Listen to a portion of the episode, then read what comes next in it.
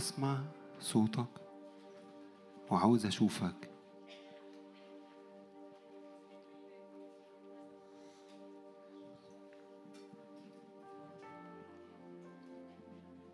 يا رب أنا عاوز أسمع صوتك وعاوز أشوفك.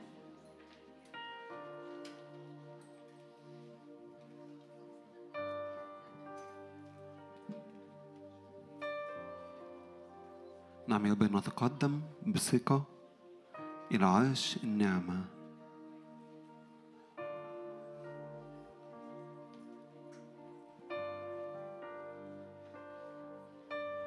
يا رب جينا نشوفك وجها إلى وجه.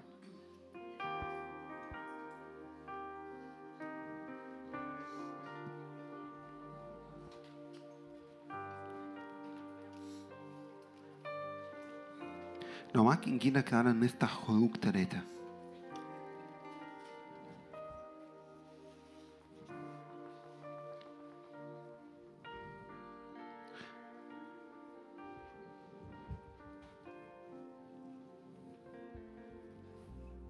من أول عدد واحد. تعالوا نقرأ مع بعض. وأما موسى فكان يرعم غنم يسوم حميه كاهن مديان. خليني عشان أختصر خلينا نخش على عدد اتنين. وظهر له ملاك رب بلهيب نار من وسط علية فنظر وإذا العلية تتوقد بالنار والعلية لم تكن تحترق. فقال موسى أميل لأنظر هذا المنظر العظيم. لماذا لا تحترق العلية فلم فلما رأى الرب إنه مال لينظر ناداه الله من وسط العلية وقال موسى موسى. فقال ها أنا ذا؟ واللي جوايا إن إحنا جايين نصعد فوق الجبل نتقابل مع الرب ونقول له ها أنا ذا أمامك. الشاهد ده بالنسبة لي يعني ربنا كلمني فيه بقاله وقت كتير قوي.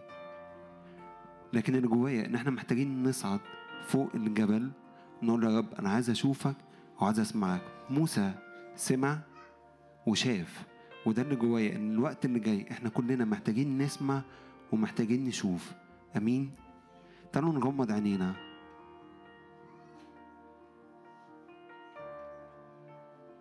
رب أنا جاي اعبدك جاي اسبحك لأنك أنت وحدك مستحق.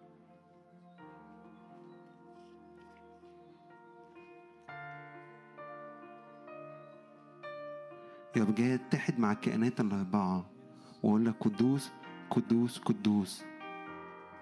رب الجنود مجدك يملأ كل الأرض.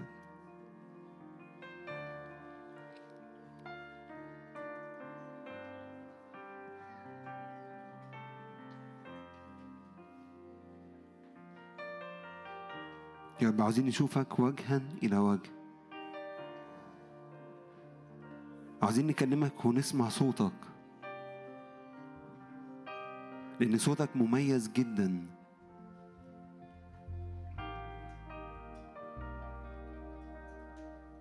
وإحنا في بداية الاجتماع والموسيقى بتعزف أنت قدم ذبيحتك. قل له ها أنا ذا واقف أمامك.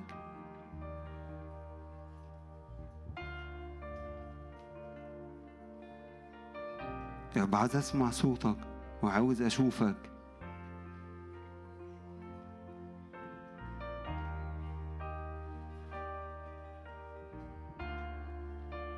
يا رب حضورك يملأ القاع بالكامل لأنك أنت الملك في وسطنا. استأذنك طلع صوت ما تقفش ساكت. ده وقت مميز قوي. أنت صلي أنت اعبد. تقدم بثقة لعرش النعمة.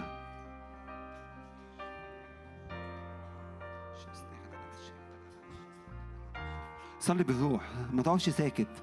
تقدم موسى لما شاف المنظر تقدم ما وقفش ساكت.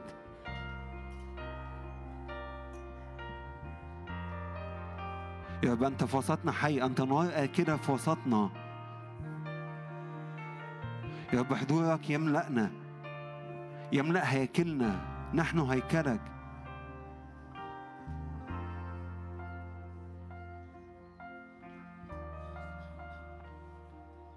يا رب ما أعظمك وما أعظم أعمالك.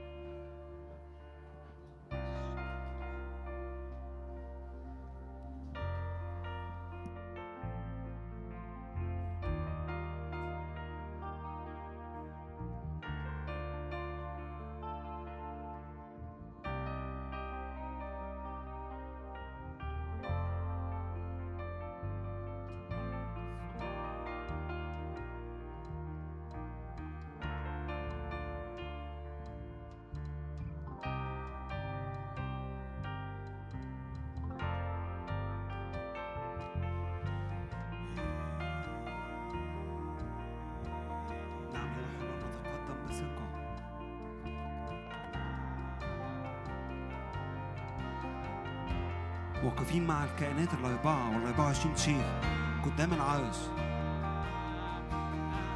نعطيك كل المجد وكل الإكرام مستحق لاسمك أن تكسو كل ركبة ممن في السماء وممن على الأرض وممن تحت الأرض.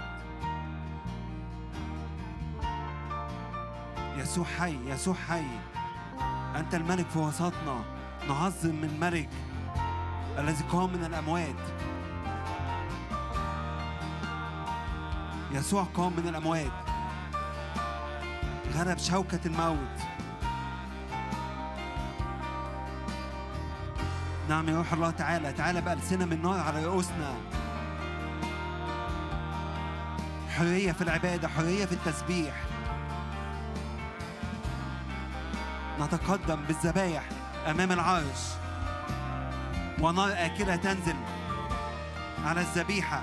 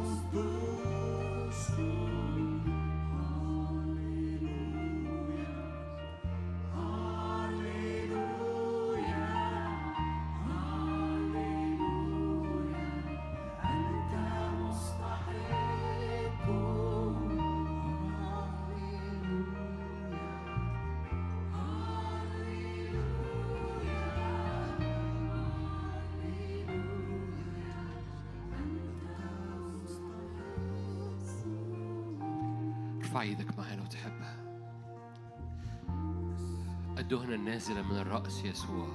تنسكب على اللحية. تنسكب على كل الجسد حتى طرف الثياب. أؤمن بدهنة كثيفة. دهنة ملك دهنة حضارة دهنة مجد. دهنة كثيفة.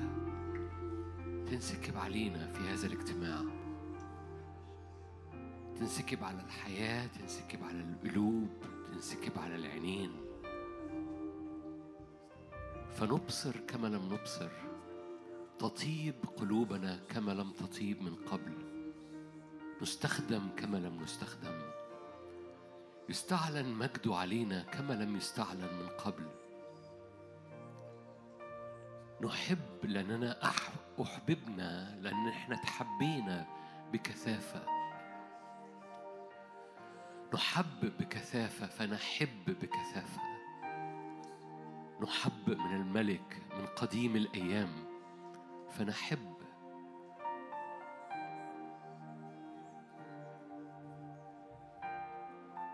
يا روح الله املى هذه الليلة املى هذا الاجتماع بدهنة كثيفة. عينينا مثبتة نحوك عطشانين جدا. انت حلقك حلاوة كله مشتهيات. انت طيب نازل اسمك دهن مهراق. اسمك دهن لذلك احبتك قلوبنا لأن مفيش في قلبنا غيرك. قلوبنا عذراء لك. أنت ملء القلب أنت شوق القلب. لذلك أحبتك قلوبنا. املأ أوانينا أنت ملء الذي يملأ الكل في الكل. املأ املأ أوانينا محبتك املأ أوانينا حضورك املأ عمدنا معمودية حب ونار. عمدنا معمودية حب ونار. محبة نارية تنسكب ومسحة نارية تنسكب. عمدنا معمودية جديدة. مليانة تقل حضورك وتقل مجدك. في اسم الرب يسوع. في اسم الرب يسوع. هللويا.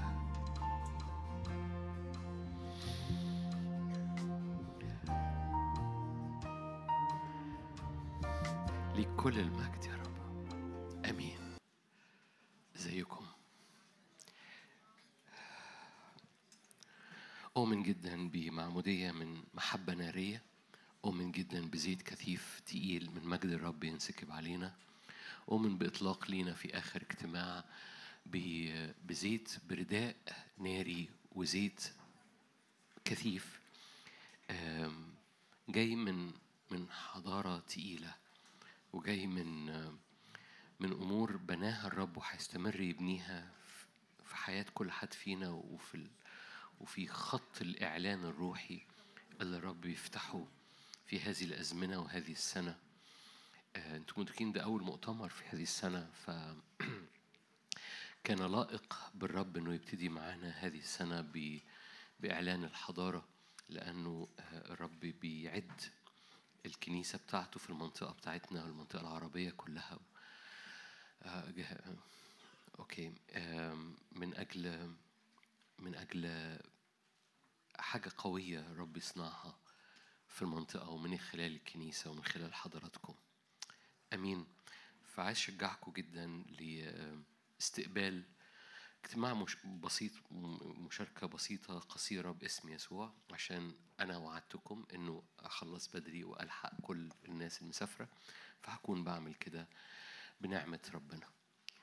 سفر أشعية. أشعية 32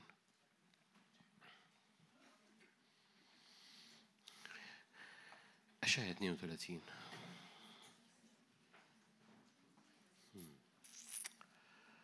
بالعدل يملك ملك ورؤساء بالحق يترأسون. وانت بتقرأ هذه القراءات اللي هنقراها خلي يكون في خلفيتك كل المؤتمر اللي إحنا حكيناه. ولو انت بتستمع لهذا الاجتماع أو الاجتماع ارجع واسمع من أول المؤتمر. لأنه ال ال ال الآيات اللي بنقراها ده هي حاجة أعلى من من اجتماع أو أعلى من كنيسة أو أعلى هو هو هو هو حاجة بتتبني ولا يمكن أن تستوعبها إلا لو طلعت الجبل وده الاجتماع بتاع الصبحية. هو إذا بالعدل يملك ملك رؤساء بالحق يترأسون. ده مستوى حضارة. يكون إنسان كمخبأ من الريح ستارة من السيل كسواقي ماء في مكان يابس كظل صخرة عظيمة في أرض معيية. ولا تحسر عيون الناظرين وأذان السامعين تصغي يعني العينين تتفتح والودان تتفتح. قلوب المتسرعين تفهم علما. فجأة إدراك وأنوار. ألسنة العيين تبادر إلى التكلم فصيحا. كل حاجة بيحصل لها افتداء ريستوريشن كل إعلان وكل سمع وكل قيادة وكل خدمة وكل صوت يبتدي يخرج فصيحا. ولا يدعى اللئيم بعد كريما. ولا يدعى اللئيم بعد كريما. ولا الماكر يقال له نبيل.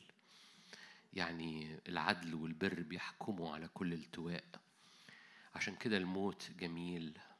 الموت عن أعمال الجسد وعن أمور ال- النفس و... فلا يدعى اللئيم بعد كريما.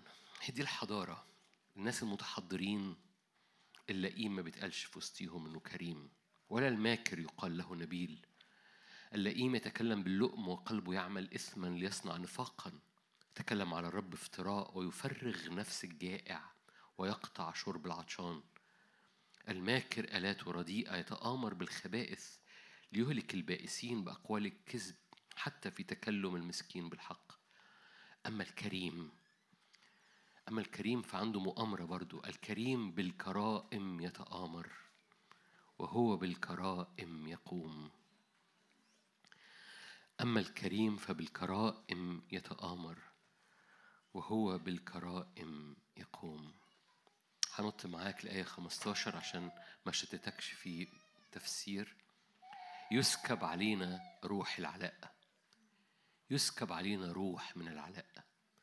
فتصير البرية بستان ويحسب البستان وعر فيسكن في البرية الحق والعدل في البستان يقيم. واخدين بالكم من الحق والعدل بالعدل يملك الملك. يكون صنع العدل سلاما هللويا. العدل بالصنع. يكون صنع العدل سلاما. فاكرين لما أقام الرب في زكريا صناعا يكسروا القرون بتاعة إبليس؟ يكون صنع العدل سلاما وعمل العدل سكونا وطمأنينة إلى الأبد. يسكن شعبي في مسكن السلام وفي مساكن مطمئنة وفي محلات أمينة. يسكن شعبي في مسكن السلام في مساكن مطمئنة وفي محلات أمينة. آية عشرين بفوت آيات عشان ممكن أقعد أشرحها فمش عايز أشتتك لكن في حاجات بي- بيحكم فيها على الكبرية لأنه خلي بالك ال structure الهيكلة بتاعت هذه الحضارة مليانة عدل مليانة بر مليانة حكم. جاء وقت إن إدراكنا للحكم يبقى حاجة جميلة قوي عشان كده طول الوقت أحكم علينا أحكم علينا أحكم علينا. الحكم حاجة جميلة انه بيحكم للمساكين وبيحكم بالبر وبالعدل لحياتك. وقوفك قدام الحكم وصناعة العدل لحياتك هي بتفتدي حياتك وبتحطك بت بتملاك نور. بالمناسبة كلمة العدل وكلمة البر, في العبري واحد. لو رجعت ورايا للإصحاح ده في العبري تجد كلمة عدل الكلمة العبري هي كلمة بر. فصنع البر أو صنع العدل. ما أعرفش عنكم بس ده مشجع بالنسبة لي بس مش مهم. ممكن أوعظه بس هوقف نفسي. فوجودك قدام الحكم الإلهي قدام العدل الإلهي بيحطك قدام نور إلهي غير عادي فمن فضلك تقدم للحكم الإلهي. تقدم للحكم. أحكم عليا ما تخافش إنك تقول له أحكم عليا ما تخافش إنك تقول له تكن أحكامك شريعتي. ما تخافش إنك تطلب الحكم الإلهي على أرضك لأنه بيحطك قدام نور قدام بر. لو حكمنا على أنفسنا لما حكم علينا. فبتطلب ان هذا الحكم وهذا البر وهذه الش- ال- الشريعة تحكم على مشاعرك وعلى ذهنك وعلى أفكارك وعلى صحتك. فيحكم بالعدل والبر. فيترأس رؤساء بالحق ويكون إنسان مخبأ من الريح. أنا رجعت تاني لأن الآيات جميلة. ما أعرفش أنت مدركها جميلة قد إيه ولا لأ. هذه الآيات مليانة. إيه ده أنت ممكن بقى تتشفع وتعطش وتتنبأ وتتشفع وتصلي وتخش ألف ذراع وألف ذراع وألف ذراع ليه؟ لأنه لأن الرب يكون مخبأ من الريح ستارة من السيل سواقي مية في كل حتة ناشفة. كظل صخرة عظيمة في أرض معيية وفجأة العينين تفتح والودان تفتح والفم ينطق ولا يدعى فيما بعد يا يا رب اللئيم كريم. دي محتاجة تشفع للصبح يا رب. لا يدعى فيما بعد اللئيم كريم. أما الكريم فبالكرائم يتآمر وهو بالكرائم يقوم. فيسكن في البرية الحق والعدل في البستان يقيم ويكون صناعة العدل سلاما. فيسكن شعبي في مسكن السلام وفي مساكن مطمئنة وفي محلات أمينة. طوباكم أيها الزارعون آية عشرين. لأنه في الآخر بصوا مفيش منطق ورا العربي. يعني حاول تدور في العربي. إيه, إيه, إيه- اللي دخل الزارعون في المحلات الأمينة في مسكن البر؟ مفيش أي معنى okay؟ المعاني كلها روحية فدي لغة نبوية okay؟ فالزراعة ده الملكوت. يشبه ملكوت السماوات حد فاهم حاجة؟ فالآية دي الزارعون دول اللي بيخدموا أيها الزارعون على كل المياه. ارقي خبزك. طب ما أنتوا حلوين أهو. جبتوا معايا على آخر مؤتمر الزارعون على كل المياه. هللويا. في ناس هنا بتزرع على كل المياه. طوباكم ايها الزارعون على كل المياه. المسرحين أرجل الطور والحمار يعني في فرق ضخم جدا ما بين الطور والحمار مش كده؟ فلو عندك طور الطور ده قوي. اطلقه وسرحه عندك حمار؟ سرحه برضه يعني عندك حاجة قوية استثمرها عندك حاجة استثمرها طوباكم؟ أيها الزارعون مفيش حاجة مفيش علاقة ما بين الزارعون على المياه. مفيش حد بيزرع على المية طوباكم؟ حد فاهم حاجة؟ ما العربي ما الشراح اللي بيقول لك ال- الكتاب المقدس ده حرفي آه، بيخبطوا راسهم في الحيط. يعني إيه؟ يعني هو هو هو الكلمة صادقة مش الكلمة مش صادقة. الكلمة صادقة بس الكلمة تفهم بالروح مش بالدماغ. طوباكم أيها الزارعون على كل المياه. طوباكم أيها الزارعون على كل المياه. المسرحون أرجل عندك تور سرح رجليه. عندك حمار. سرح رجليه. ما تقولش أنا مستني الحمار بتاعي يبقى طور قبل ما أستخدم. استخدم حمارك. استخدم طورك. وهنا تبقى في حالة بركة طوباكم. هتفهم حاجة؟ ده كلتشر ده ده ده ده ده ده دي حضارة. ده في عدل وفي ملك وفي رؤساء وفي مساكن مطمئنة وفي محلات أمينة وفي وفي شعب ساكن وفي آه، اطمئنان وفي عمل للعدل وفي حكم على اللئيم وفي الوسط في حكم على على كل حاجات مش مظبوطة. أنا أنا عديت حبة آيات ويسكب الرب الروح. ففي كل في في في مجتمع وفي كلتشر وفي حضارة وفي و- و- وهطلع معاك لأشعة 33 هفوت آيات عمال بيحكم بيها. ليه؟ لأن القصة فيها حكم بيحكم بيها على كل شعوب مضادة وحملت حصار على حياتك وعملت حصار على دعوتك بشكاية بهجوم. بس أنت لما بتسكن في العدل رب يعرف يحكم على اللي حواليك. مو... هحاول أكون قصير. الرب ما عرفش يحكم على سدوم وعمورة لغاية لما لوط وعيلته يخرجوا. وخرجهم للجبل. قال له اطلع الجبل. رب يبقى مستني الكنيسة تطلع وراه للجبل عشان يصنع حكم على سدوم وعمورة فرب مستني الكنيسة تطلع الجبل عشان يصنع حكم على كل أمور فساد حواليك بتضغطك النهاردة. فاكرين لوط كان يعذب نفسه البرة بالأفعال الأثيمة اللي بتحصل في سدوم وعمورة فأنت بتتعذب بالفساد المحيط بيك. وأول ما تطلع الجبل رب يعرف يقضي لك بالعدل يملك ملك ورؤساء بالحق يترأسون. أوكي. آية 19 في أوكي. آية 19 في إشعيا 33 الشعب الشرس لا ترى. دي في الحضارة. ليه؟ لأن الرب يقضي. الشعب الشرس لا ترى. آية 20 كلم عن المدينة.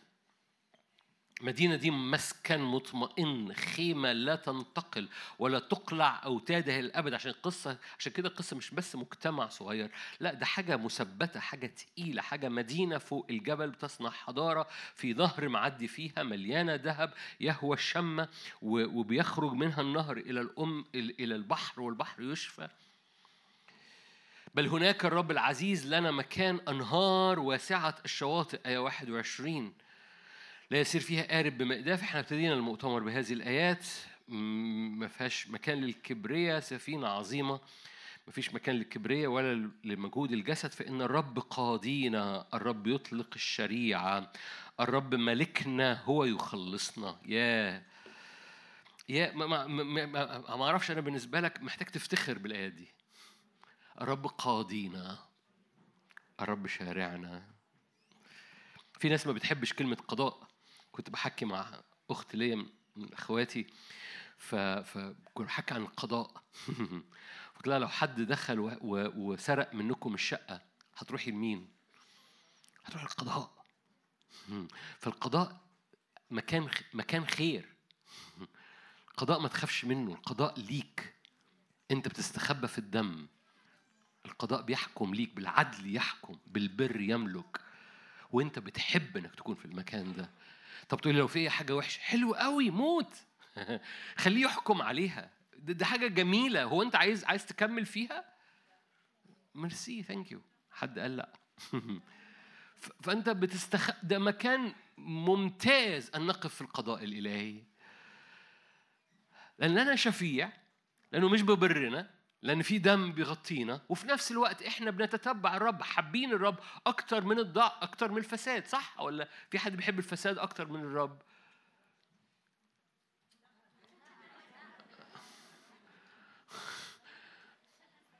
لو بتحب الفساد أكتر من الرب خاف. وخلي المخافة دي تخليك تحب الرب. وخلي المخافة دي تخليك تستخبى في الرب. لكن القصة كلها طول ما أنت بتحب الرب أكتر من الفساد وقوفك قدام القضاء الإلهي هو مكان خير ليك. لأن الرب يقوم حاكم على الفساد ومطلع برك.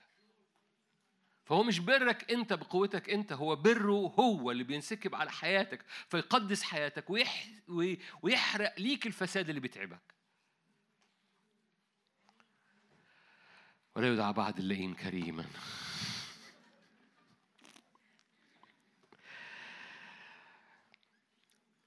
ارتخي. يكونش.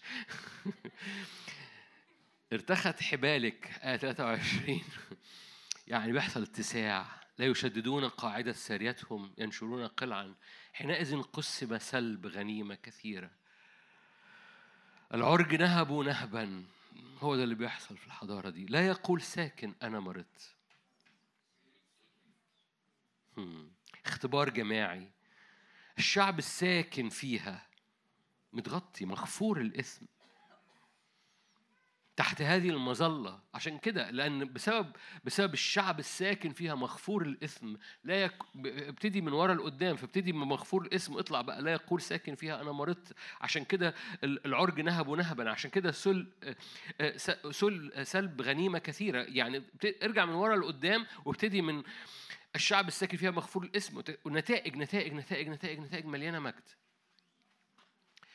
أنا بس فتحت شهيتك في بداية هذه المشاركة البسيطة. المشاركة دي في أول جزء منها وهي الجزء العام بتاعها وهنشوف رايحين فين بسرعة. هذه الحضارة بتلمس كل جانب من جوانب حياتك لو وقفت فوق الجبل. لو تسلقت الجبل ودي المشاركة اللي فاتت لو وقفت قدام الجبل لأن كل واحد له جبل وفوق هذا الجبل وهشارككم أختي شاركتني بآية عن الجبل ونتائجه هشارككم بيها في الآخر. فببساطة وأنت واقف في هذا الجبل وبتعمر الجبل بتاعك الجبل الحضور الإلهي اللي مليان الحضارة بتاعتك اللي تفاصيلها إجابتي ليك اطلع وشوف اطلع وشوف وخلي عينيك تشوف واكتب كل اللي أنت بتتملى بيه وابني حياتك على أساس الموجود فوق الجبل. بس عمر الجبل بتاعك عمر الجبل بتاعك. تواجد في هذا المكان الناري اللي مليان حضارة. هذه الحضارة بتلمس كل جانب من جوانب حياتك صحتك نفسيتك مشاعرك أيامك خدمتك وده اللي حكي معاه باختصار ونختم بيه هذه المشاركة. بتلمس كل جانب من جوانب حياتك. فالشعب الساكن فيها مغفور الاسم ده جانب لم- لم يكن عاثر في وسطهم. ده في حاجة بتحصل. خارجين من حضارة فرعونية بس خارجين رايحين الجبل. خارجين من مصر وعابرين رايحين جبل سينا فلم يكن فيهم عاثر. رجليهم لو لم تورم ثيابهم لم تبلى. ده إيه؟ ده اقتصاد. ده اقتصاد. ده اقتصاد هذه الحضارة. هذه الحضارة لها اقتصاد خاص.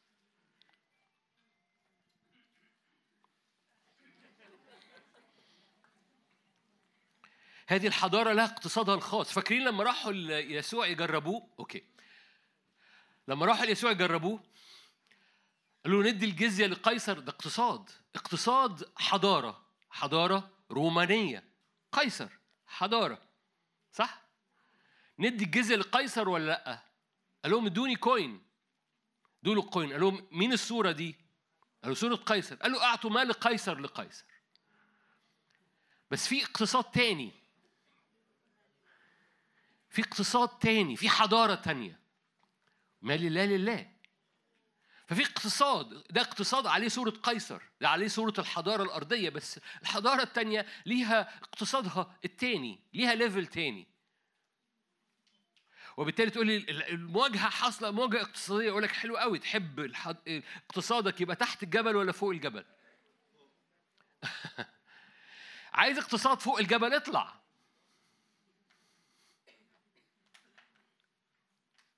هلعب معاكم في آية تانية تبع الاقتصاد. حالا أنا كل واحد دماغه ابتدت ترف. لما بتلففوا دروس تروس دماغكم بسمعها. ف لففوا روحكم ما تلففوش دماغكم. ففي اقتصاد حضارات الأرضية. يسوع قال لهم كده ادوني ال coin. إيه ال coin عليه مكتوب مرسوم عليه إيه؟ قالوا له مرسوم قيصر. okay ده اقتصاد قيصر. اقتصاد قيصر اشتغل عند قيصر. أعطوا مال قيصر لقيصر. لكن في حضارة تانية.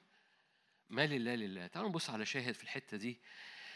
متى 17 طبعا أنتوا أنتوا ممكن أقول لكم كلمات مشجعة. مش عايز أقولها لكم. ممكن أقول لكم كلمات مشجعة. لا طب هقولها لكم يعني. يعني يعني ببساطة. بحاول أ- أ- أصغر المشاركة. ببساطة إنه إنه ثيابهم لم تبلى نعالهم لم تبلى رجليهم لم تورم لم يكن عاثر في وسطهم ده اقتصاد. لأن المرض هو اقتصاد حضارة الأرض. بيستنزفك بيستنزف فلوسك. الهدوم والمشتريات والثياب والتليفونات هي اقتصاد الأرض. فأنت بتشتري. فما احتاجوش يشتروا لأن ثيابهم لم تبلى. ما احتاجوش يشتروا لأن نعالهم لم تبلى. ال- اللي أنت بتعمله ده ده قيصر وقيصر. هتفهم حاجة؟ ف- فالقصة كلها إن الحضارة اللي خارجة من الحضارة الفرعونية ثيابهم لم تبلى نعالهم لم تبلى فم- فما كانش فيه اقتصاد بيستنزف. لم يكن عاثر في وسطهم ما كانش فيه اقتصاد مرضي. ما كانش فيه اقتصاد دوائي.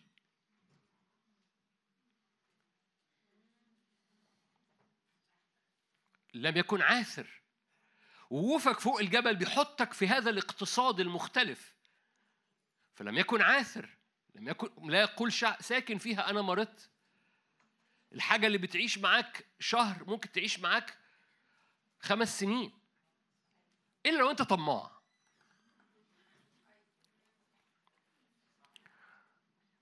ولو أنت طماع موت. موت عن الطمع. ما ت... ما ت... ما- حد فاهم حاجة؟ أنا ما أقصدش أبقى بايخ. أنا أقصد أكون ففي قيصر وقيصر ليه تجارة. لكن في حضارة تانية والحضارة دي مختلفة تماما. ما- بص أنا مش معنى إنك تشتري حاجة آخر حاجة ما أقصدش ما أقصدش كده يعني فاهمني؟ بس كون إدرك إن إدرك هقول لك هقول لك شاهد يشجعك. حاضر حالا. بس إدرك إن الاقتصاد ال- أو الحضارة بتاعتك لها اقتصادها الخاص. وهتتبارك فيها. صدقني هتجيب تليفون كويس. يرن مش في الاجتماعات. بيبقى تليفون عنده تمييز أرواح. أو تخش اجتماع يقلب نفسه silent لوحده. ده option جديد هينزلوه. بس مش عند Apple عشان Apple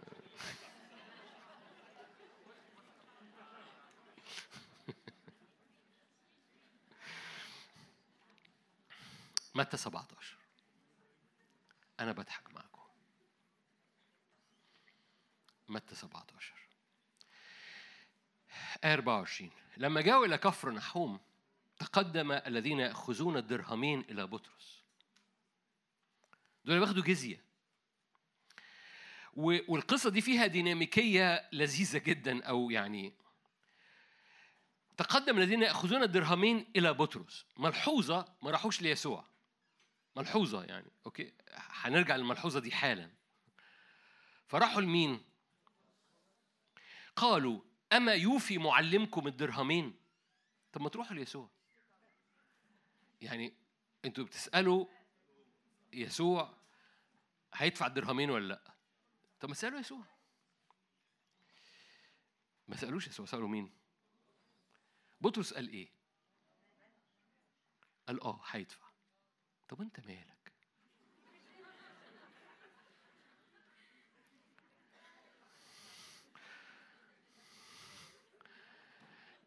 حد فاهم حاجة؟ حد قريت القصة دي قبل كده؟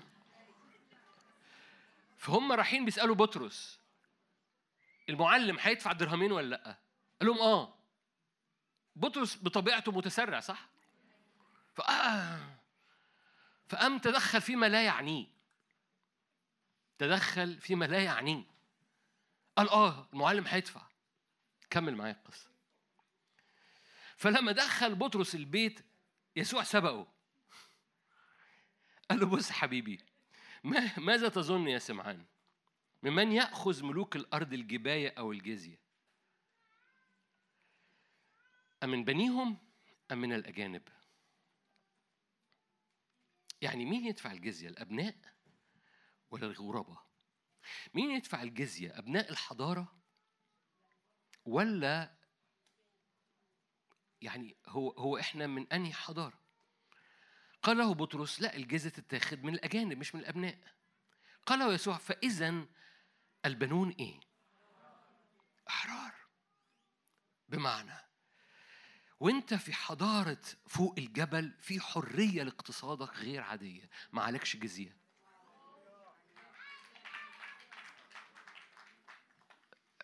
أنا أنا مع التشجيع بس وأنت من من بنو الحضارة مش تحت قيصر لأن مالك أنا بربط القصتين ببعض.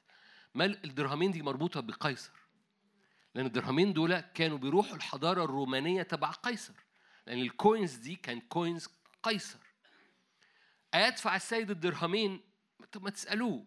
بطرس قال yes متسرع ليه؟ تعالى لي حبيبي. سبقه يسوع. قبل ما قبل ما هو يروح ليسوع يقول له أنا قلت لهم ادفع. يعني مش عارف بطرس كان هيعمل إيه. أنا مش عارف بطرس كان هيعمل إيه. يعني كان هيخش يقول له أنا قلت لهم ادفع ف شخشخ جيبك يعني.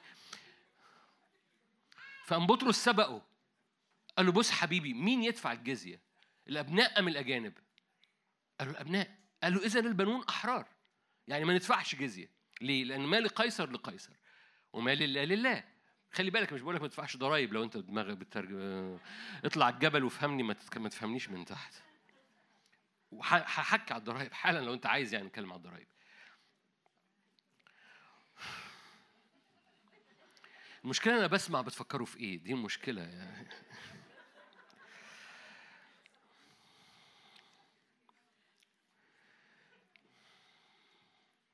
مكتوب فعلم أفكارهم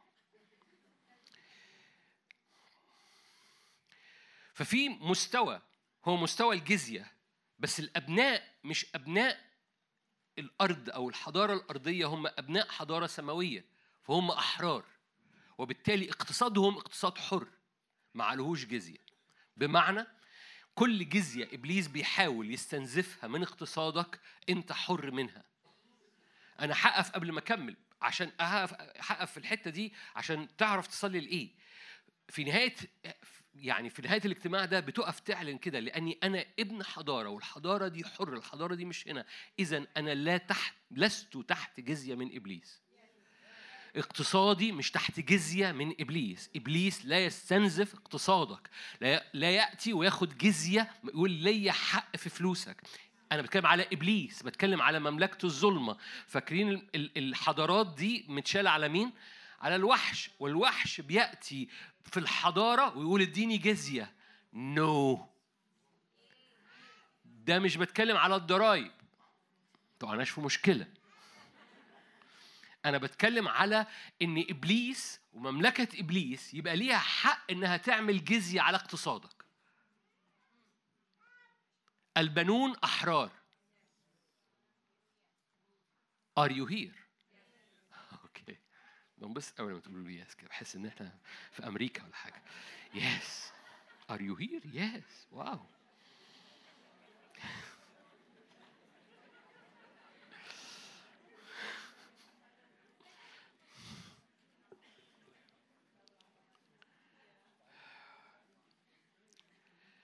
بس لذيذ بولس سوري لذيذ بولس هو مش في القصة خالص بولس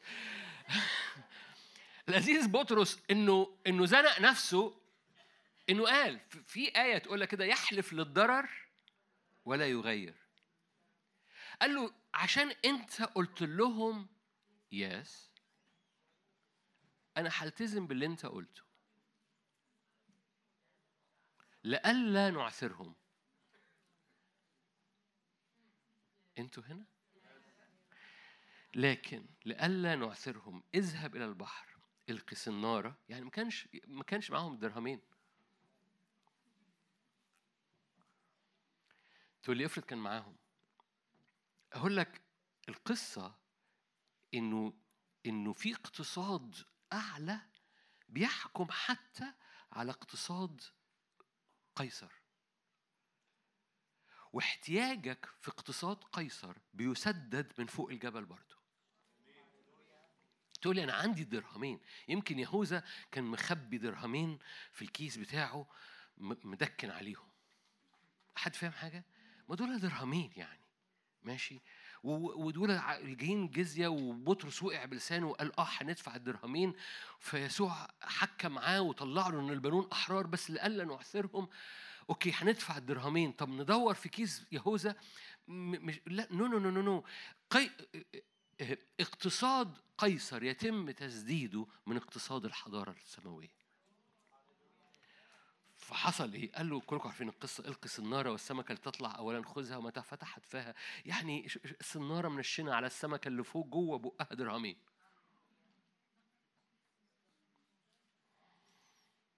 ما أعرفش إن أنتوا خدتوا بالكم ولا لأ. وجودك فوق الجبل. بيطلق حرية إن لما يحصلش استنزاف على اقتصادك وجودك فوق الجبل بيملاك بحكمة معجزية تخلي اقتصاد تحت الجبل مسدد. وجودك فوق الجبل وجودك في الروح بيخليك حر من أي سلب لمملكة الظلمة إنها تضع حق على اقتصادك. البنون أحرار. وفي نفس الوقت وجودك فوق الجبل بيملاك بحكمة تجعلك تعرف تتصرف تحت الجبل لما تدفع الدرهمين حتى لو بطريقة معجزية. أوكي. ببساطة. عشان الوقت برضه أنا ممكن متى 25 متى 25 متى 25 أنا هتكلم بطريقة عملية ونختم عشان الوقت. وأنا داخل أختي قالت لي فأنا ه... متى 25 متى 25 ثلاث أمثال للملكوت أو ثلاث قصص. والثلاث أمثال هاخدهم وأحطهم في الحضارة وخليهم عمليين ليك ونصلي. اتفقنا؟ أمثال كلكم عارفينها. مثل العذارة مثل الوزنات ومثل الأمم الجداء والأمم أخيار الخراف والجداء. ثلاث أمثال ورا بعض. وأنا بالنسبة لي كلكم عارفين المعنى ده ما هو يعني لو أنت مش عارفه أديك هتعرفه. هذا هذه الثلاث أمثال هو تسلسل آه، مربوطين ببعض. لأن أول نهضة بتحصل في حياتك أول زيارة أول لمسة للحضارة النارية دي بتحصل للعذارى الحكيمات. العذارى الحكيمات مليانين زيت مش زيت خارجي بس مش مظهر.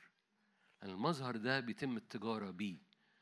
أما القلب فهو ما تعرفش التاجر بيه. العذارى الحكيمات يقولوا ما نعرفش نديكم من الزيت اللي في الآنية. لأن القلب والزيت اللي فيه ما تعرفش التاجر بيه.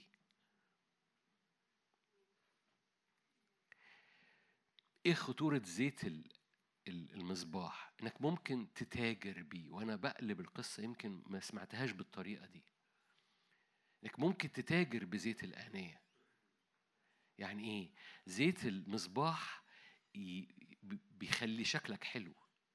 فالتاجر بشكلك الحلو. لكن مش مش هينفع تكمل تتاجر بشكلك الحلو لما الزيت اللي في المصباح يقل. ولما بتأتي أزمنة مع الأزمنة الأخيرة زيت المصباح بيقل. لأن مع الأزمنة الأخيرة أنت بتحتاج زيت الآنية. لو مفيش زيت آنية ما بتعرفش تتاجر بزيت مصباحك. بتتفضح.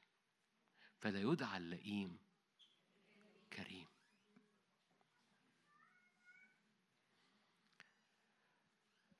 مخافة ربنا حلوة برضو.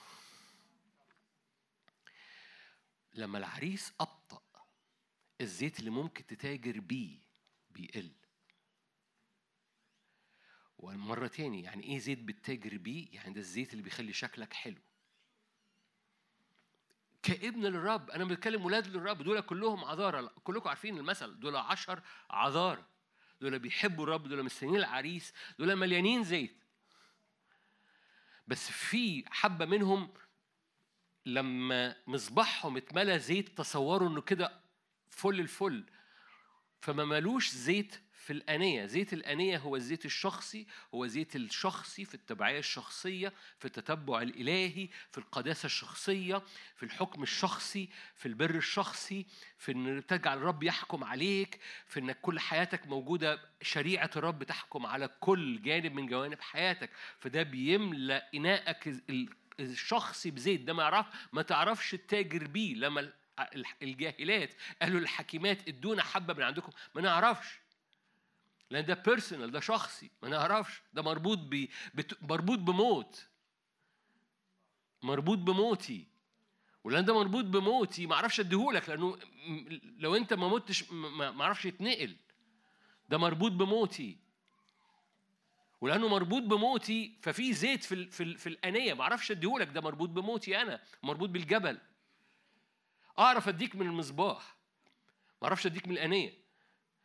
فالمصباح بيعمل شكل جميل بيخلي الشكل جميل العذارى واقفين بمصابيحهم منورة. يي زغروطه يا أولاد؟ لأن ده عرس. فكلهم الح... بصوا الحكيمات والجاهلات كان ليهم نفس المنظر. ماسكين مصباح والمصباح منور فما فيش فرق في المشهد الخارجي ما بين الحكيمات والجاهلات. ال... كلهم نفس المنظر. لكن لما العريس بيبطئ لما تأتي الأزمنة الأخيرة ما ب... ب... ب... ب... ال- الزيت بتاع الشكل بيفقد. وما بيفضلش غير الزيت الشخصي بتاع الأنية بتاع الجبل اللي عمال بزعق عليه من أجله بتاع جبلك. هو بيجيب الزيت وانت طالع الجبل بتاعك. أوكي. برضو أختي كانت بتش... كان كنت قاعد حد كان بيسألني أختي كانت بتسألني سؤال هحط اهو لأنه أكيد هو سؤال هو المؤمن يهلك ولا مش يهلك؟ سؤال يجنن ها؟ وتحير العلماء وخبطوا راسهم في الحيط. المؤمن يهلك أم لا يهلك؟ الإجابة الإجابة الإجابة الإجابة.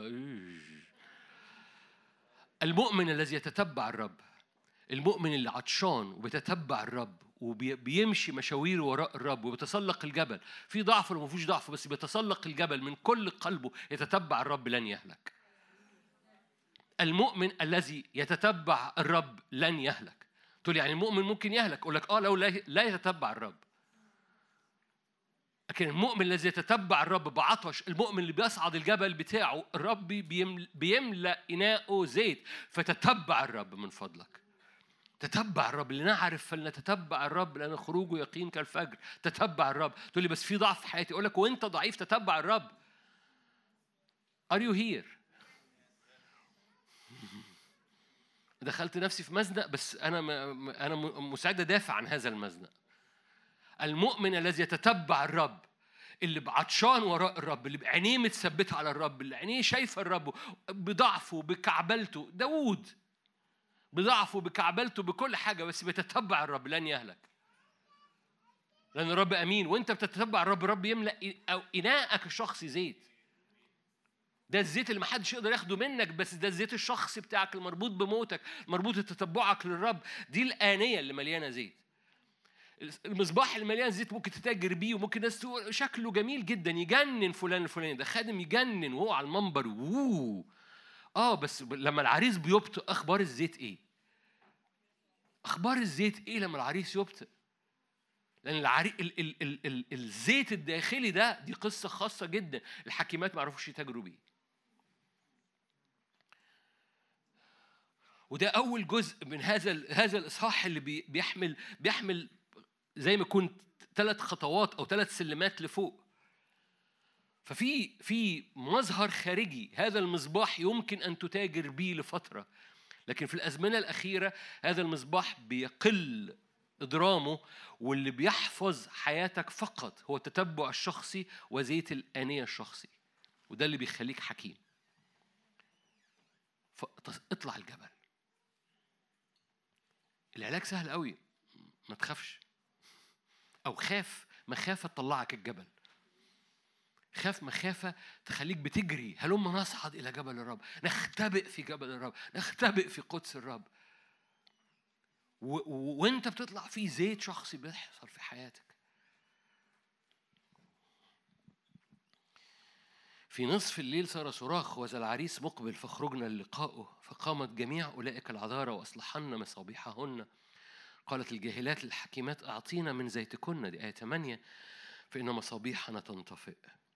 أجابت الحكيمات قائلات لعله لا يكفي لنا ولكن اذهبن إلى الباعة وابتعنا لكن امشي مشوارك الروحي الشخصي.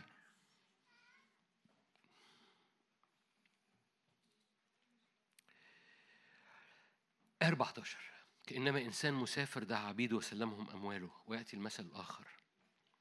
مثل الوزنات. كلكم عارفين. أعطى واحد خمس وزنات آخرين وزنتين آخر وزنة كل واحد على قدر طاقته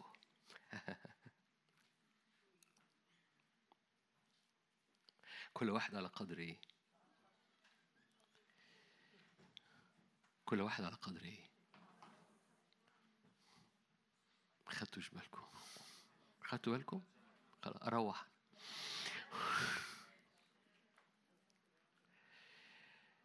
يعني لما لما يكون أنا عندي وزنه وأقول ليه أخويا واخد خمسة؟ أنا لو أنا خدت خمسة مش هعرف أعمل يوم حاجة. لو قلت أنا جدع يبقى أنت سفينة عظيمة أنت مش في الحضارة.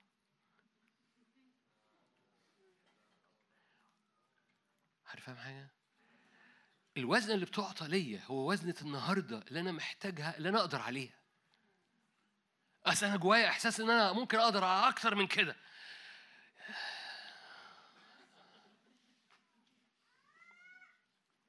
بالمناسبة لو أنت أمين على الوزنة قيمك على اتنين. اللي أمين على خمسة اداله الوزنة. هتفهم حاجة؟ ليه؟ طاقتك بتوسع بسبب استخدامك للوزنة. فنمرة واحد مشوارك في الحضارة دي مشوارك الروحي بيعمل زيت شخصي وأنيتك بتتملي زيت حتى لو العريس أبطأ أنت مطمئن. Are you here؟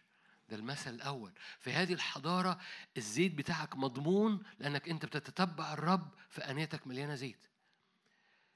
step number 2 كل وزنة في حياتك تاجر بيها بدون مقارنات. لأن هذه الوزنة اللي في حياتك هي الطاقة بتاعتك النهاردة. خليني أقول لك لو أنت طاقتك وزنة ورب إداك خمسة هتنهار مش هتعرف تعمل حاجة. الوزنة مش بركة الوزنة حمل. فلو طاقتك وزنة والرب إداك خمسة هتنهار. أشكر الرب إنه إداك وزنة بس. وتاجر بيها. كن امينا في الوزنة هيديك اتنين وهيديك عشرة هيزود طاقتك. لانك كنت أمين في الوزنة فهيزود طاقتك. Are you here?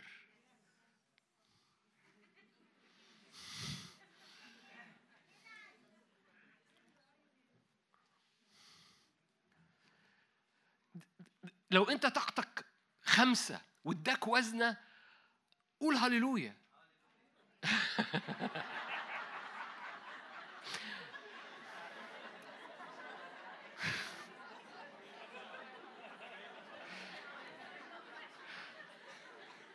يعني الطاعة حبكت. في دي. خليها طاعة في أي حاجة تاني. كل عمال بقوله.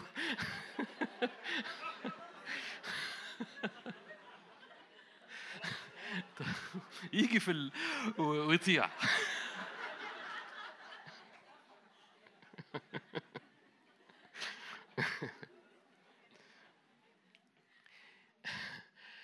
لو طاعتك خمسة والرب اداك وزنة فأنت عندك مساحة من طاقة أكتر من اللي هو اداهولك. فانت عندك يعني يعني عشان كده قلت قلت هللويا مش عشان يطيعني يقول هللويا بس عشان زي ما يكون ده انت عندك متنفس انك تت- تتاجر بالوزنة دي وانت طاقتك خمسة عندك متنفس انك تتاجر بيها للماكسيمم.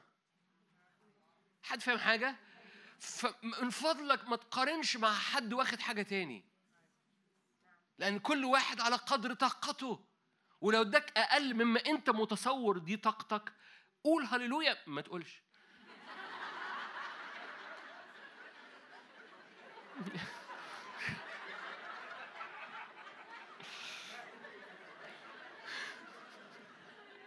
خفت لحظة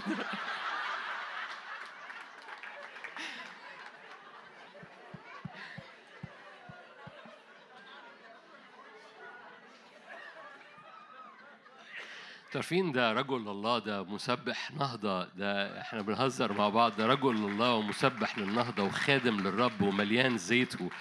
وحبيب لقلبي و... عشان كده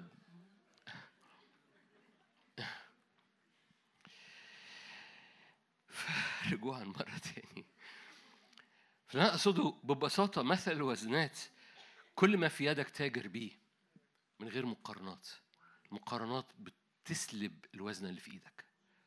وبالتالي في الحضارة مشاويرك الروحية بتملاك زيت. بس step number 2 تاجر بكل وزنة في إيدك. إيه الوزن الموجود النهاردة؟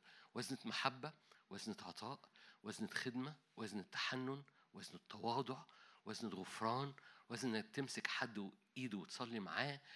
ايا كانت الوزنة بسيطة تاجر بيها.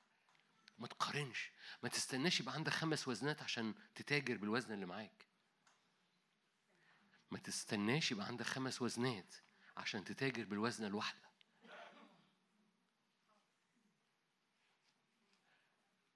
تقول لي أنا جوايا الصورة ما تستناش إنه الوزنات اللي تخلي الصورة دي تحصل تح... تحصل في حياتك عشان الصورة تحصل. أخونا يوسف كان جواه صورة. كان جواه حلم. كلهم بيسجدوا عند رجليه. فأنا مش هخدم مش هترجم أحلام مش هفسر حلم الخباز والساقي. أنا مستني يسجدوا عند رجلي استنى للصبح. لكن إيه الموجود قدامي؟ ساقي وخباز في السجن. هتاجر بالوزنة. حد فاهم حاجة؟ أنا مستني الصورة اللي جوايا. تاجر بالوزنة؟ هتوصل للصورة اللي جواك. كن أمينا في القليل قيمك على الكثير الحضارة دي كده. فالحضارة فيها زيت شخصي ده مثل الوزنات ده مثل ع... مس... سوري مثل العذارى خطوة نمرة اتنين تاجر بالوزنة. الوزنة الموجودة قدامك تاجر بيها لا مقارنات. المقارنات تفقدك ما في يدك. ثالث وزنة أو ثالث مثل. متى جاء ابن الإنسان؟ آية 31 وده آخر حاجة نشارك بيها. متى جاء ابن الإنسان؟ في مجده وجميع الملائكة القديسين معه في حينئذ يجلس على كرسي مجده ويجتمع أمامه جميع الشعوب. يميز بعضهم من بعض كما يميز الراعي الخراف من الجداء فيقيم الخراف عن يمينه والجداء عن يساره. يقول الملك الذين خلي بالك ده حضارة. فدول أمم وشعوب تحت هذه الحضارة. والمزمور خم... متى 25 عبارة عن ثلاثة ستيبس دول عذارة وزنات أمم.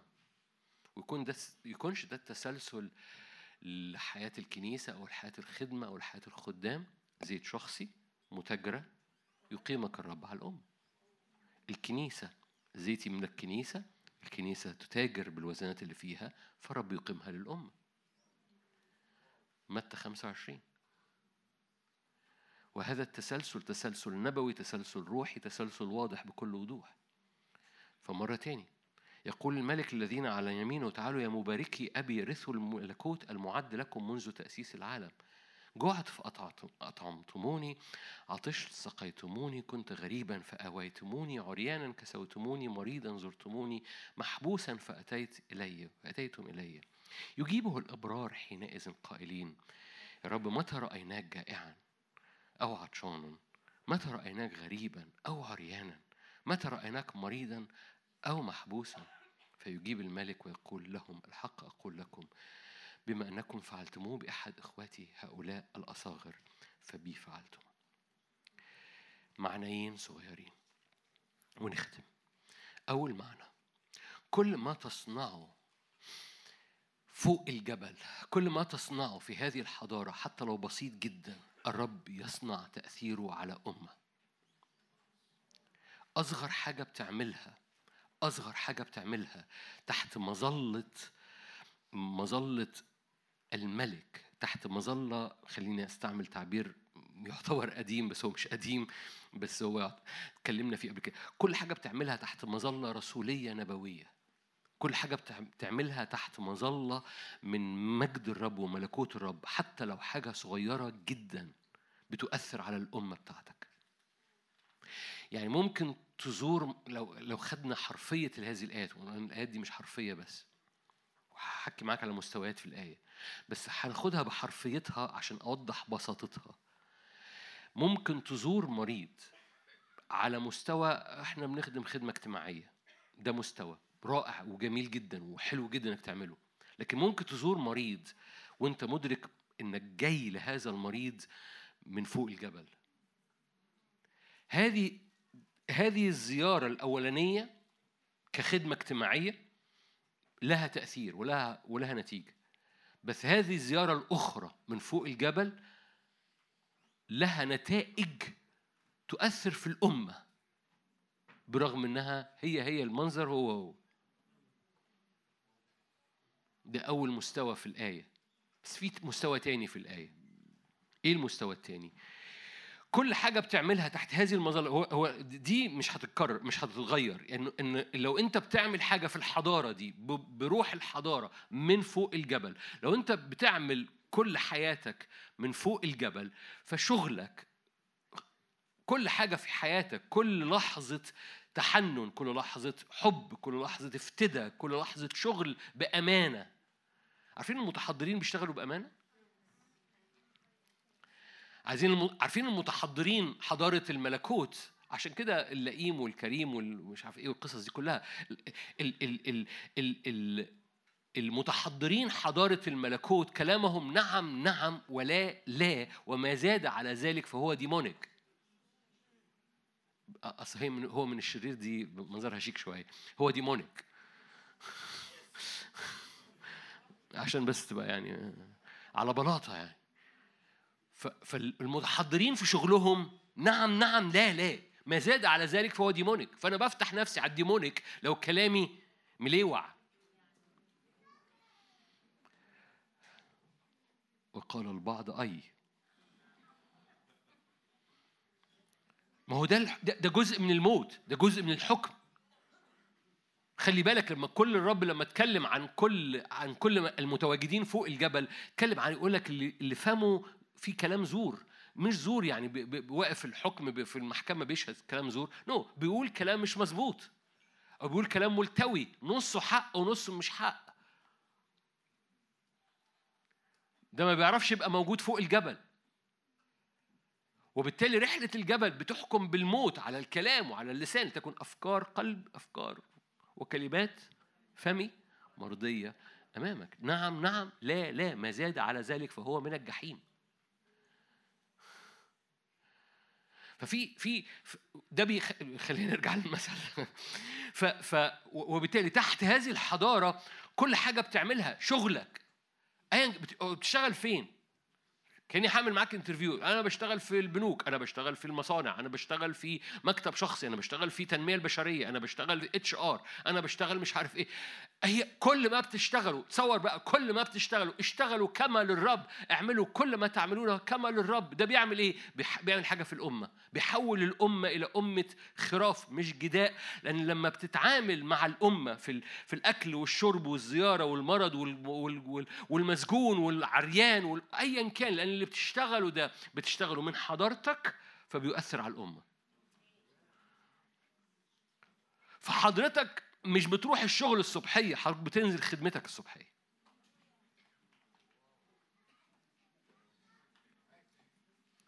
حضرتك مش بتروح الشغل الصبح حضرتك بتنزل خدمة الصبح. البعض عجبته الفكرة نو دي مسؤولية. معنى كده لازم تحضر لخدمتك قبل ما تنزل. معنى كده ما ينفعش تنزل من غير ما تقف قدام الجبل لأنك نازل تخدم أنت مش نازل تشتغل. أنت نازل تخدم في البلد أنت نازل تخدم في البلد أنت لازم تخدم في البلد. تقول أنا مش رايح أخدم أنا رايح البنك. أنت لازم تخدم. أنا رايح في المصنع أنا رايح في المكتب بتاعنا أنا رايح في مش عارف إيه. ايا كان اللي أنت رايحه أنت نازل تخدم لأن كل حاجة بتعملها تحت هذه المظلة اللي اسمها حضارة بتقوم نازل بيها على المكتب بتاعك وعلى المصنع بتاعك وعلى المحل بتاعك وعلى الشغل بتاعك لأنه ده بيخلي الأمة تتغير. عذارى حكيمات بيتاجروا في الوزنات وبينزلوا للحياة.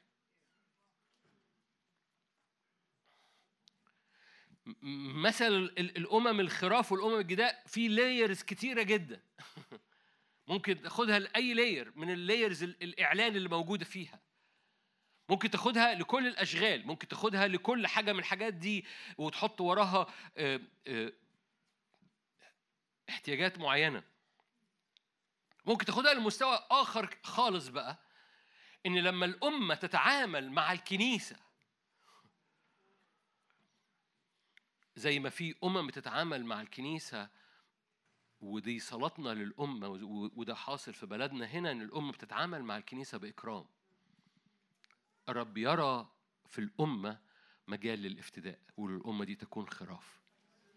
وده بيبقى نتيجة صلاة للأمة وصلاة للحكام والقرارات اللي في الأمة. لما الأمة تتعامل مع الكنيسة بإكرام الرب يكرم الأمة بخلاص. وده اللي بيخلينا نصلي من أجل الرؤساء والملوك وكل من هو في منصب ليه؟ لأن الكنيسة تقوم تتعامل مع الأمة بإكرام فالرب يكرم الأمة بخلاص أمين عشان الوقت وعشان أختي قالت لي أثر فأنا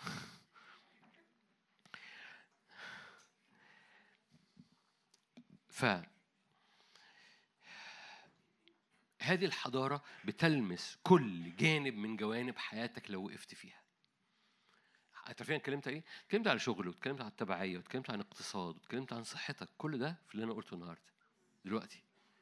فاتكلمت عن الصحة، اتكلمت عن اقتصادك، اتكلمت عن شغلك، اتكلمت عن تتبعك للرب، اتكلمت عن خدمتك تاجر بالوزنات. هذه الحضارة تلمس كل جانب من جوانب حياتك. بس اطلع الجبل وتملي بهذا الزيت وتاجر بالوزنات وادرك إن أصغر حاجة بتعملها تحت مظلة هذه الحضارة لها تأثير عظيم جدا. لها تأثير عظيم جدا. يقول لك حصل موقف صغير في سفر الأعمال. يقول لك فال فالكنيسة كلها تابت الكنيسة كلها رجعت. إيه حاجة بسيطة جدا. اضطهدوهم. ف ف فقالوا ما تكلموش باسم يسوع. وكانت الكنيسة في في هذا المحور في هذا المحك في هذا الميدان. نكمل نخرج من هذا الميدان اللي هم بيقولوا ما تتكلموش باسم يسوع. نخرج من هذا الميدان ما نتكلمش عشان نبقى اسمنا حكماء ولا نتكلم بكل مجاهرة بنعمة من عند الرب. واختاروا إحنا هنصلي فهنختار إن إحنا نتكلم بمجاهرة بنعمة من عند الرب. فحصل إيه؟ انسكب روح القدس. ده اختيار بسيط. اختيار بسيط حضرتك يمكن بتختاره في بعض الأحيان في أوضتك ببساطة بس هذا الاختيار البسيط أدى إلى ripple effects عارفين يعني إيه ripple effects يعني يعني تتاب تتب تت- تتابع من الأحداث الروحية السماوية بسبب اختيار اختاروه فوق الجبل. إحنا هنكمل بنتكلم عن يسوع. حصل إيه؟ يقول لك قلب واحد نفس واحدة دي معجزة. دي نتيجة طوالي بعديها. اتملوا بروح القدس؟ اتكلموا بكل مجاهرة إيه اللي وراها؟ قلب واحد نفس واحدة مجاهرة واحدة قوة عظيمة شهادة بقيامة يسوع المسيح الرب يضم مؤمنين. إيه كل ده حصل عشان مجرد أخذت قرار صغير أصغر قرار بتاخده وراء الرب في هذه الحضارة له تأثيرات كبيرة على الأمة كلها. أمين. أؤمن بزيت كثيف. أؤمن بزيت كثيف. أختي عشان أعيد أختي شاركتني بحسقيال 36 فاكرين حسقيال 36 بتاع الجبال فاكرين؟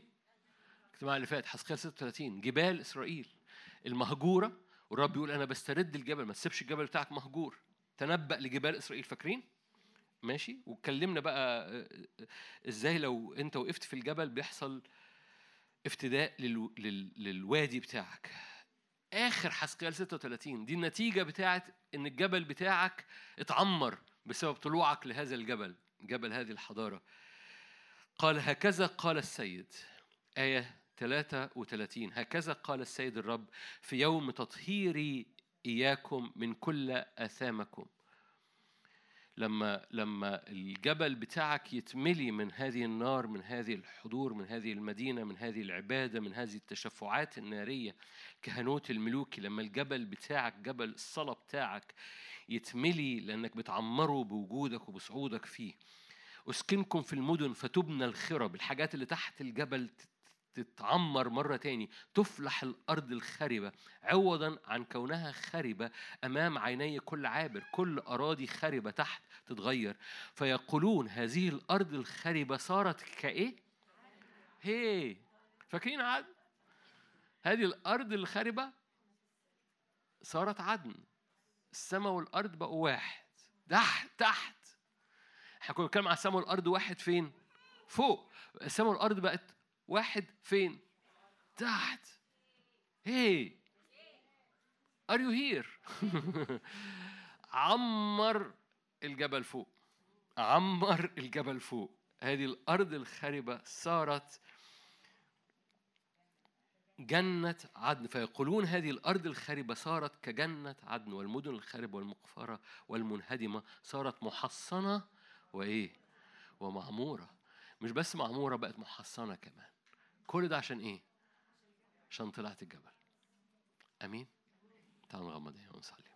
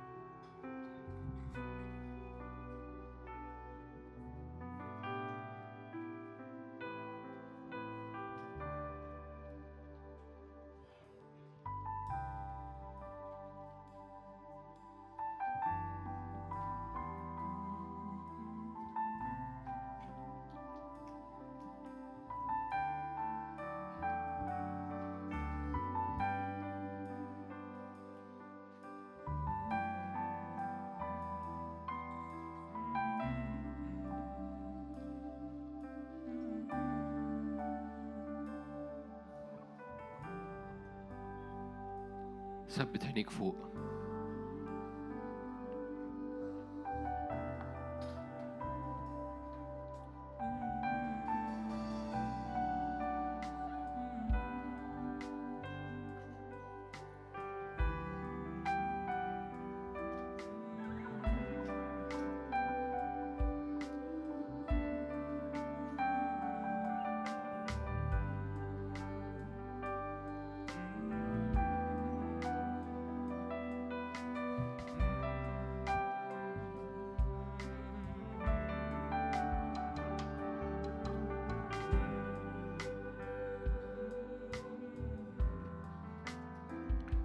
على العرش جالس. ثبت عينيك على قمة الجبل على المكان اللي بتخرج منه أصوات رعود وبروق. تحت أقدامه حجارة كريمة. ثبت عينيك على قمة الجبل.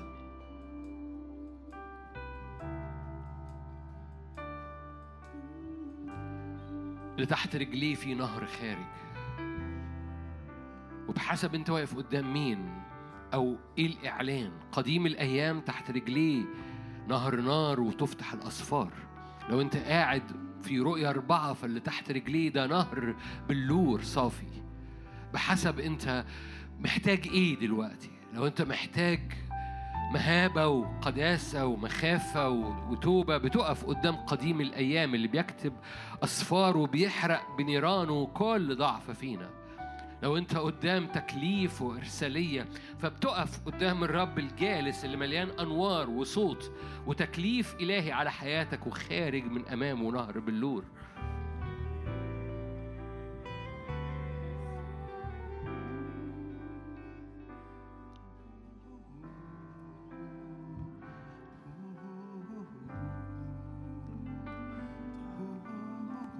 من رئيس هذه الحضارة كل حاجة بتخرج. كل حاجة بتخرج منه لأن ال headquarters المركز الرئيسي هو اللي منه كل حاجة منه كل حاجة. كل عطية صالحة كل هبة تامة كل تكليف كل إرسالية كل نار كل عطية كل زيت بينسكب من هذا المكان. تعلقت نفسي بك.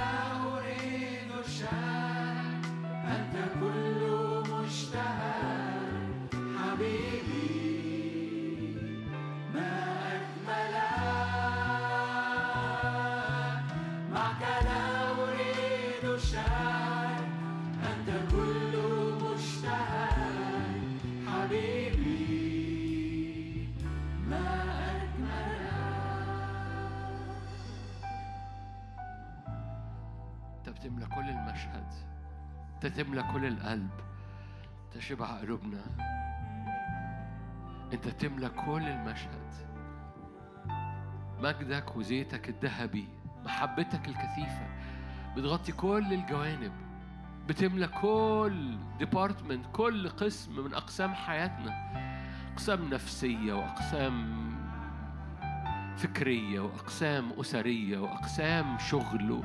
بتملى كل قسم في حياتنا. بتملى كل أنت ملء الذي يملأ الكل في الكل. أنت بتملى كل كل قسم. بحضورك بحبك بشبعك بمجدك. أنت أبرع جمال. أنت طيب نازل لأن اسمك طيب نازل. بتملى كل حاجة. بتملى كل ديبارتمنت كل قسم. كل جانب من جوانب نفسيتنا وأفكارنا وعلاقاتنا و... وأيامنا وبيوتنا واستخدامنا والشيلة كلها الشيلة بما حمل. فبنسلمك كل الحياة بنسلمك بنعلن تكريس قلوبنا. بن- بنفردها قدامك بنفرشها تحت رجليك بنفردها عند أقدامك. بنقول لك إحنا احترنا فيها أنت.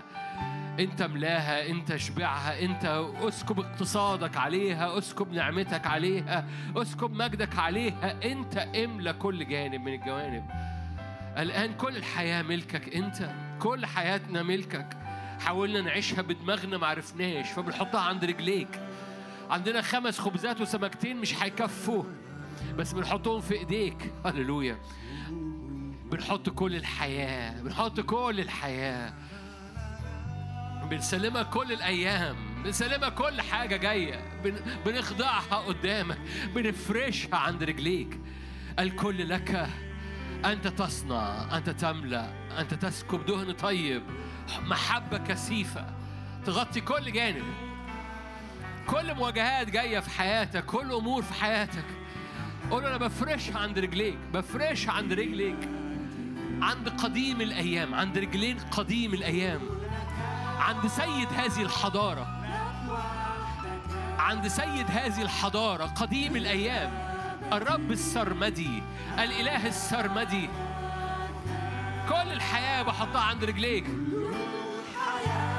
كل الحياة.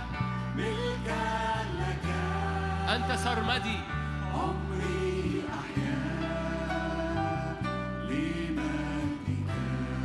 كل الحياة.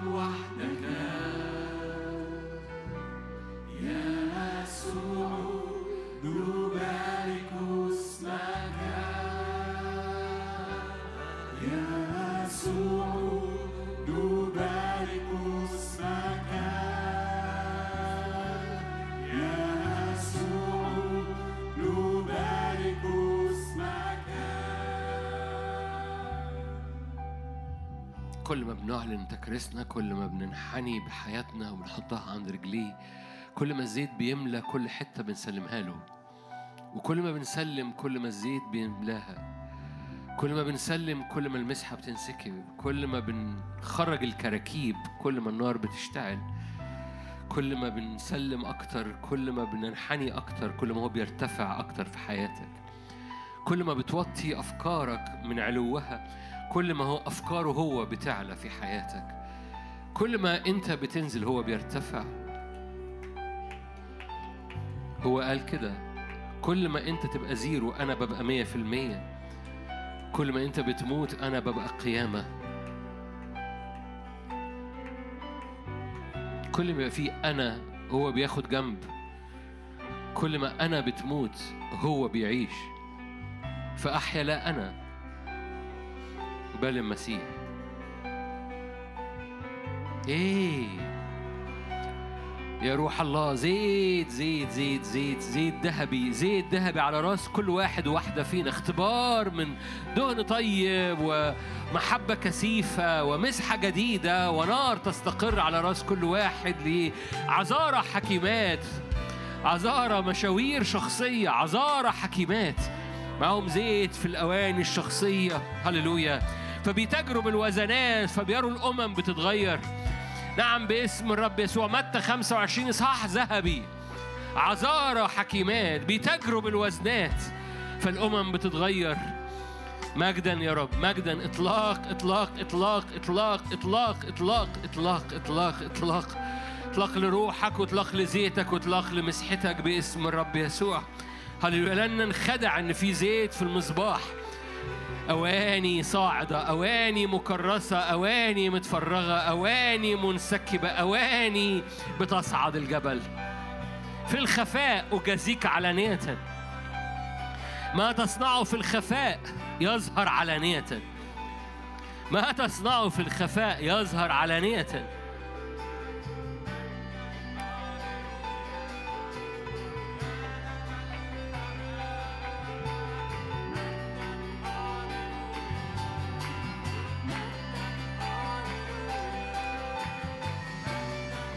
مجدك يزداد مجدك يزداد مجدك يزداد إرساليتك تزداد رداءك المنسكب علينا وعلى الناس اللي في البيت رداء خاص رداء إرسالية جديدة. فلو أنت في البيت استقبل الآن زي ما امبارح في ناس استقبلت في بيوتها هذا الرداء الناري وبعتوا لي شهادات. رداء الآن بس, بس النهارده رداء زيت خاص رداء زيت كثيف عذارى حكيمات وزنات بيتم التجارة بيها. فالأمم بتتغير أشغال بتتغير. زي ما شهادات امبارح شهادات هذا اليوم استقبل في البيت.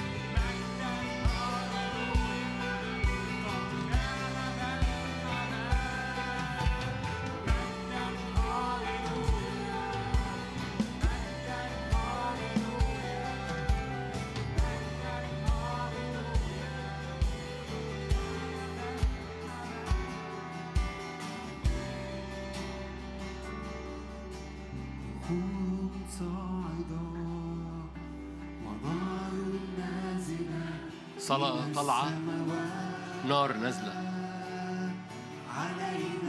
تكريس بيتقدم لفوق نار بتنزل من فوق. سما وأرض في مكان واحد.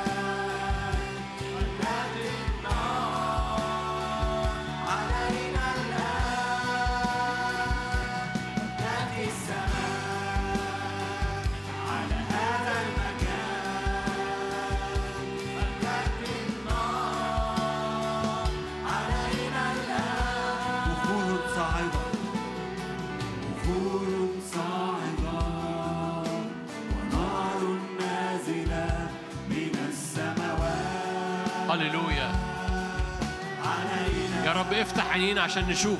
نار نازلة الآن.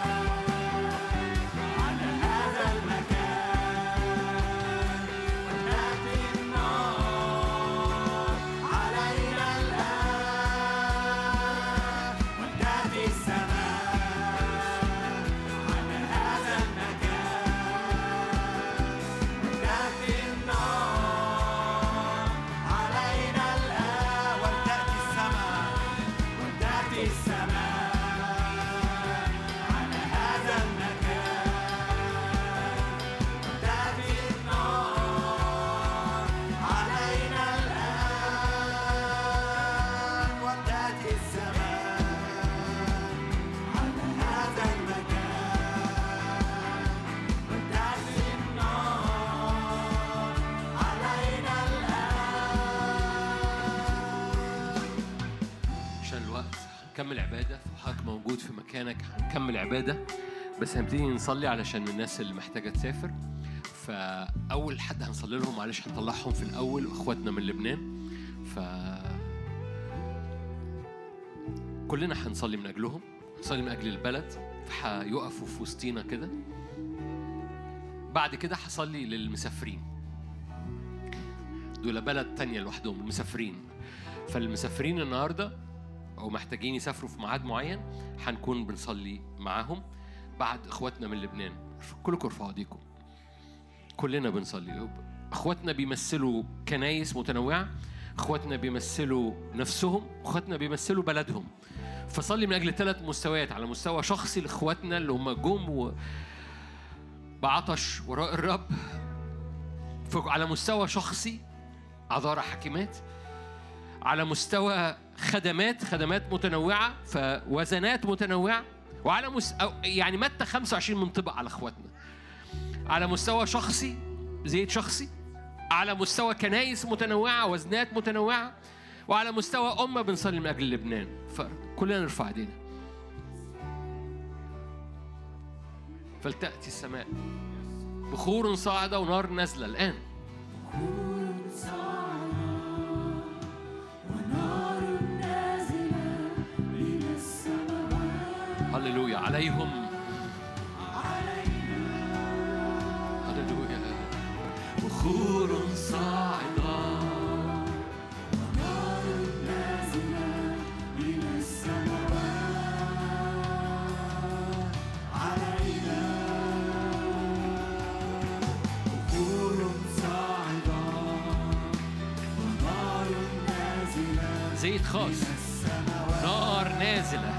نار نازلة. نار نازلة. مجد الرب ونار نازلة.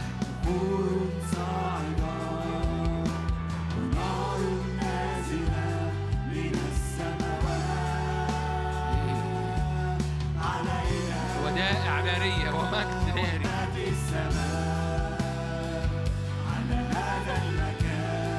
ودائع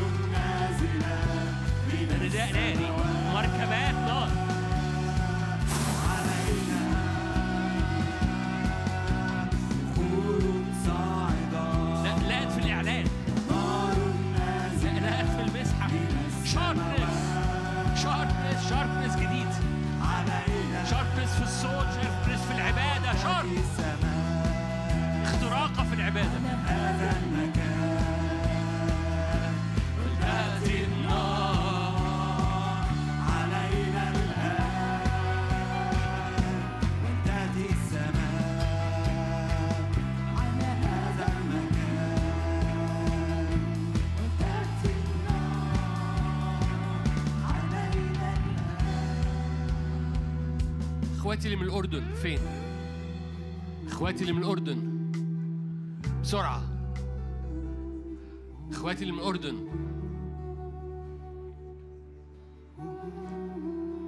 شاسي. إخواتي اللي من الأردن. فين باقيكم؟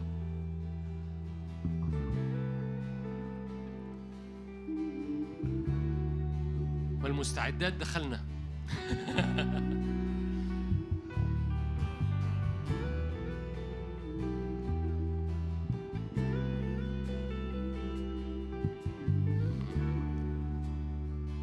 فين؟ طيب من فين؟ من فين؟ من فين؟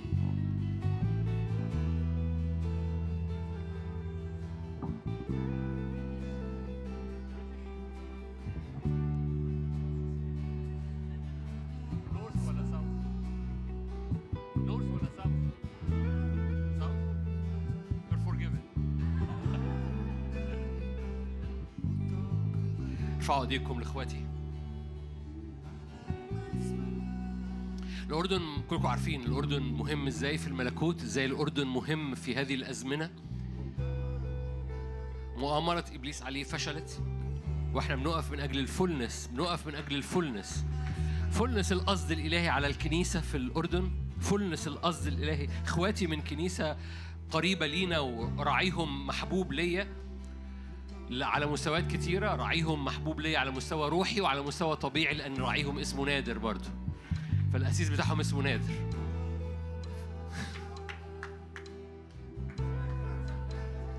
أشكرك. وعماد أسيس عماد ما- آه، عماد مو... كلكم عارفين أسيس عماد مش كده؟ أسيس عماد أشهر من ما تعرفوش الأسيس نادر بس تعرفوا الأسيس عماد. كل كل أسيس عماد مشهور في مصر أكتر مني يعني ما تقلقيش عليه يعني. تعالوا نرفع إيدينا من أجل إخواتي باسم الرب يسوع. ارفع إيدك من اجلهم باسم الرب يسوع.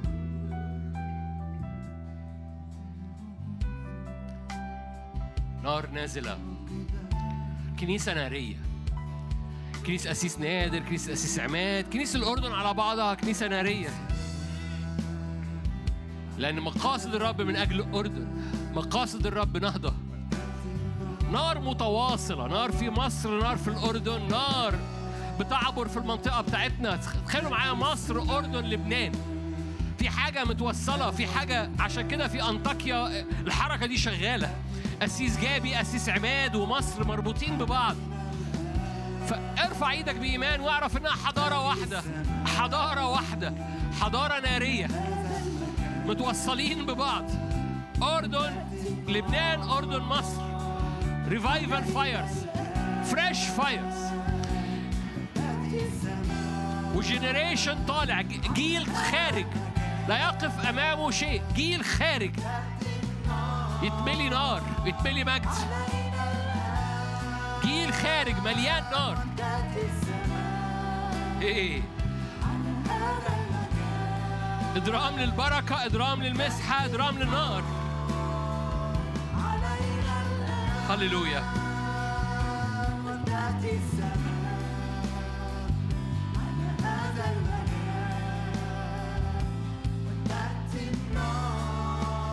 هللويا فريش فاير ارفع إيدك معايا. نعم لتأتي النار.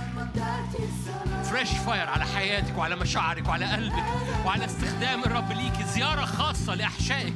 زيارة خاصة لمشاعرك ولأيامك ولرؤاك ولأحلامك. زيارة خاصة من المجد تملكي. مسحة نارية. رداء ملوكي رداء حكمة رداء نار رداء قوة. رداء مسحة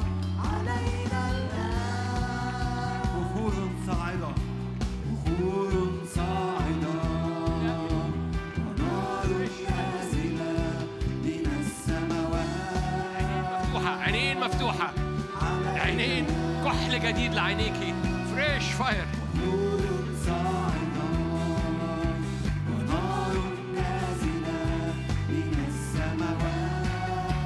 يا روح الله مجدك يملى ذهب ذهب ذهب يملى أحشائك ذهب يملى أحشائك. عطش. يتملي من نار ومجد. هللويا. revival I speak revival أنا بصلي نهضة نهضة في أحشائك. تولد نهضة تولد قوة.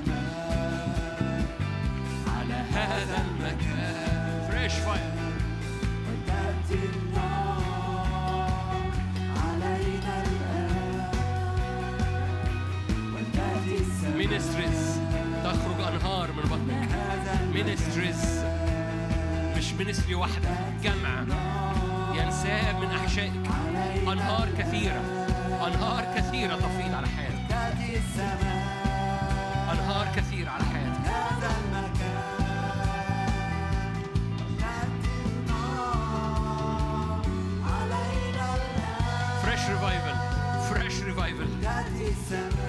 revival, releasing rivers wherever you go. Releasing rivers wherever you go. A generation of revival, a generation of fire, unstoppable. Fresh glory and fresh revelation باسم الرب يسوع. Fresh rivers, fresh fire. تمتد النار. Let, let the rivers flow more and more to the right and to the left. Generation that unstoppable.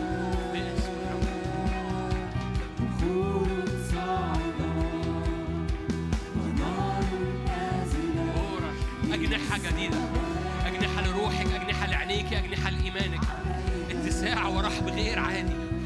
أكثر مما تطلبي أو تفتكر فريش فاير نيران الرب تملاكي قدس كل حاجة.